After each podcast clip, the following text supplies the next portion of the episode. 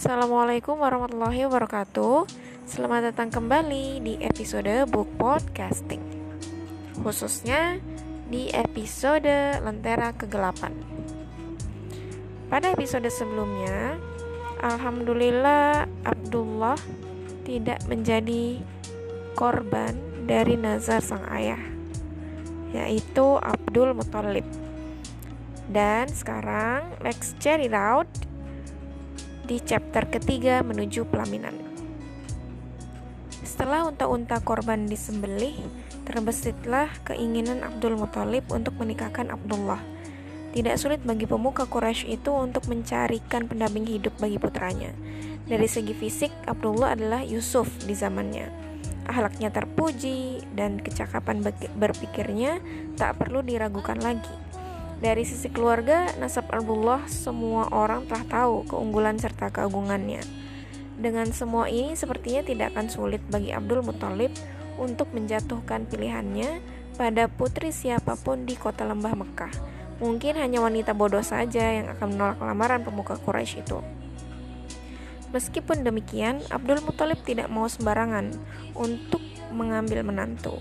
Sejak mendiang Ka'ab bin Lu'ay memimpin kaum Quraisy, sebuah wasiat turun-temurun telah mengalir dalam tubuh keluarga beliau.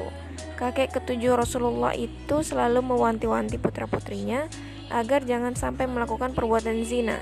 Selain itu, dalam keluarga besar Abdul Muthalib juga telah berlaku larangan tidak tertulis bahwa mereka dilarang menikahi orang-orang yang garis keturunannya pernah melakukan zina. Semua ini diberlakukan secara ketat karena sang kakek yakin bahwa kelak dari anak cucunya akan ada yang menjadi nabi. Wasiat itu dipegang teguh oleh Abdul Muthalib. Untuk itulah beliau sangat hati-hati setiap menikahkan putranya, terlebih Abdullah, putra bungsu yang sangat dia sayangi. Abdul Muthalib tahu betul kepribadian dari putra yang satu ini. Sekali beliau memilih, tentu Abdullah tidak akan pernah menolaknya. Karena itulah beliau benar-benar memeras otak ketika memilihkan calon istri bagi putra kesayangannya itu. Pemimpin kaum Quraisy ini benar-benar tidak ingin salah pilih. Sekali keliru tentu akan mengakibatkan kekecewaan bagi sang putra mahkota. Bagi Abdul Muthalib, kekecewaan Abdullah adalah tusukan perih tepat ke ulu hati dan tak akan mudah untuk diobati. Sebuah keputusan akhirnya diambil oleh Abdul Muthalib Pilihannya jatuh pada Aminah, putri dari seorang laki-laki tersohor pemimpin klan Zuhroh bernama Wahab bin Abdul Manaf bin Zuhroh. Bersama putranya, Abdul Muthalib segera berangkat ke perkampungan klan Zuhroh. Dalam kunjungan lamarannya, Abdul Muthalib tidak hanya melayangkan satu lamaran. Halah, putri Uhaib, saudara kandung Wahab, yang telah memasuki usia nikah juga mendapat lamaran untuk beliau nikahi sendiri. Singkatnya, sekali berangkat, beliau membawa satu misi dengan dua sasaran sekaligus.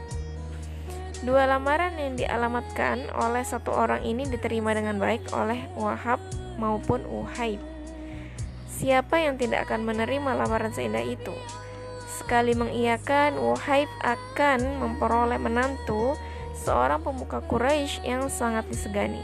Saat itu pula kewajiban Wahab untuk mengasuh Aminah akan berpindah pada seorang laki-laki rupawan bernama Abdullah. Sosok pria idaman yang tak perlu diragukan lagi akan kemuliaan, ketampanan, dan tanggung jawabnya. Ini adalah hari, hari paling bertuah dalam sejarah hidup dua keluarga pembesar klan Zuhrah. Lamaran Abdul Muthalib segera menjadi berita hangat di kota Mekah. Peristiwa pengorbanan Abdullah yang sebenarnya masih pantas untuk mereka perbincangkan di kedai-kedai makin lenyap, seolah tergulung angin padang pasir dan entah menguap di mana. Setiap orang sibuk mengukur keutamaan yang terdapat pada sosok Abdul Muthalib dan putranya. Sulit bagi masyarakat Mekah untuk menilai siapa yang lebih unggul di antara keduanya. Memang usia Abdul Muthalib jauh lebih tua dari Abdullah, namun kakek Nabi yang dikenal rupawan itu tetap tampak gagah dipandang mata. Bahkan beliau tampak beberapa tahun lebih muda dari usianya. Celoteh demi celoteh dalam rangka menyambut hari pernikahan kedua orang itu menyimpulkan Abdullah lebih hebat dari Abdul Muthalib. Gegap gempita menyeruak kota Mekah tatkala dua orang mempelai laki-laki berjalan menuju rumah calon mertua. Semua orang keluar rumah untuk menyaksikan pernikahan pemimpin mereka.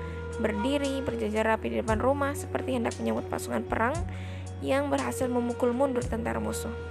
Abdul Muthalib dan Abdullah berjalan tenang, semakin menambah wibawa mereka berdua.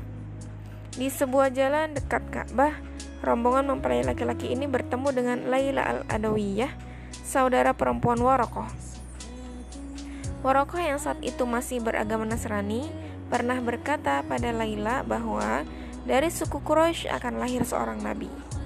Di kalangan agama Kristen telah masyhur kabar akan datang seorang nabi setelah Nabi Isa putra Maryam. Sebagai seorang Kristen yang taat, Warokoh sangat rajin mempelajari kitab-kitab kuno agama tersebut. Dari kitab-kitab itulah akhirnya Warokoh menemukan sebuah catatan yang menerangkan ciri-ciri Nabi terakhir. Pernyataan Waroko ini terus terngiang dalam pikiran Laila.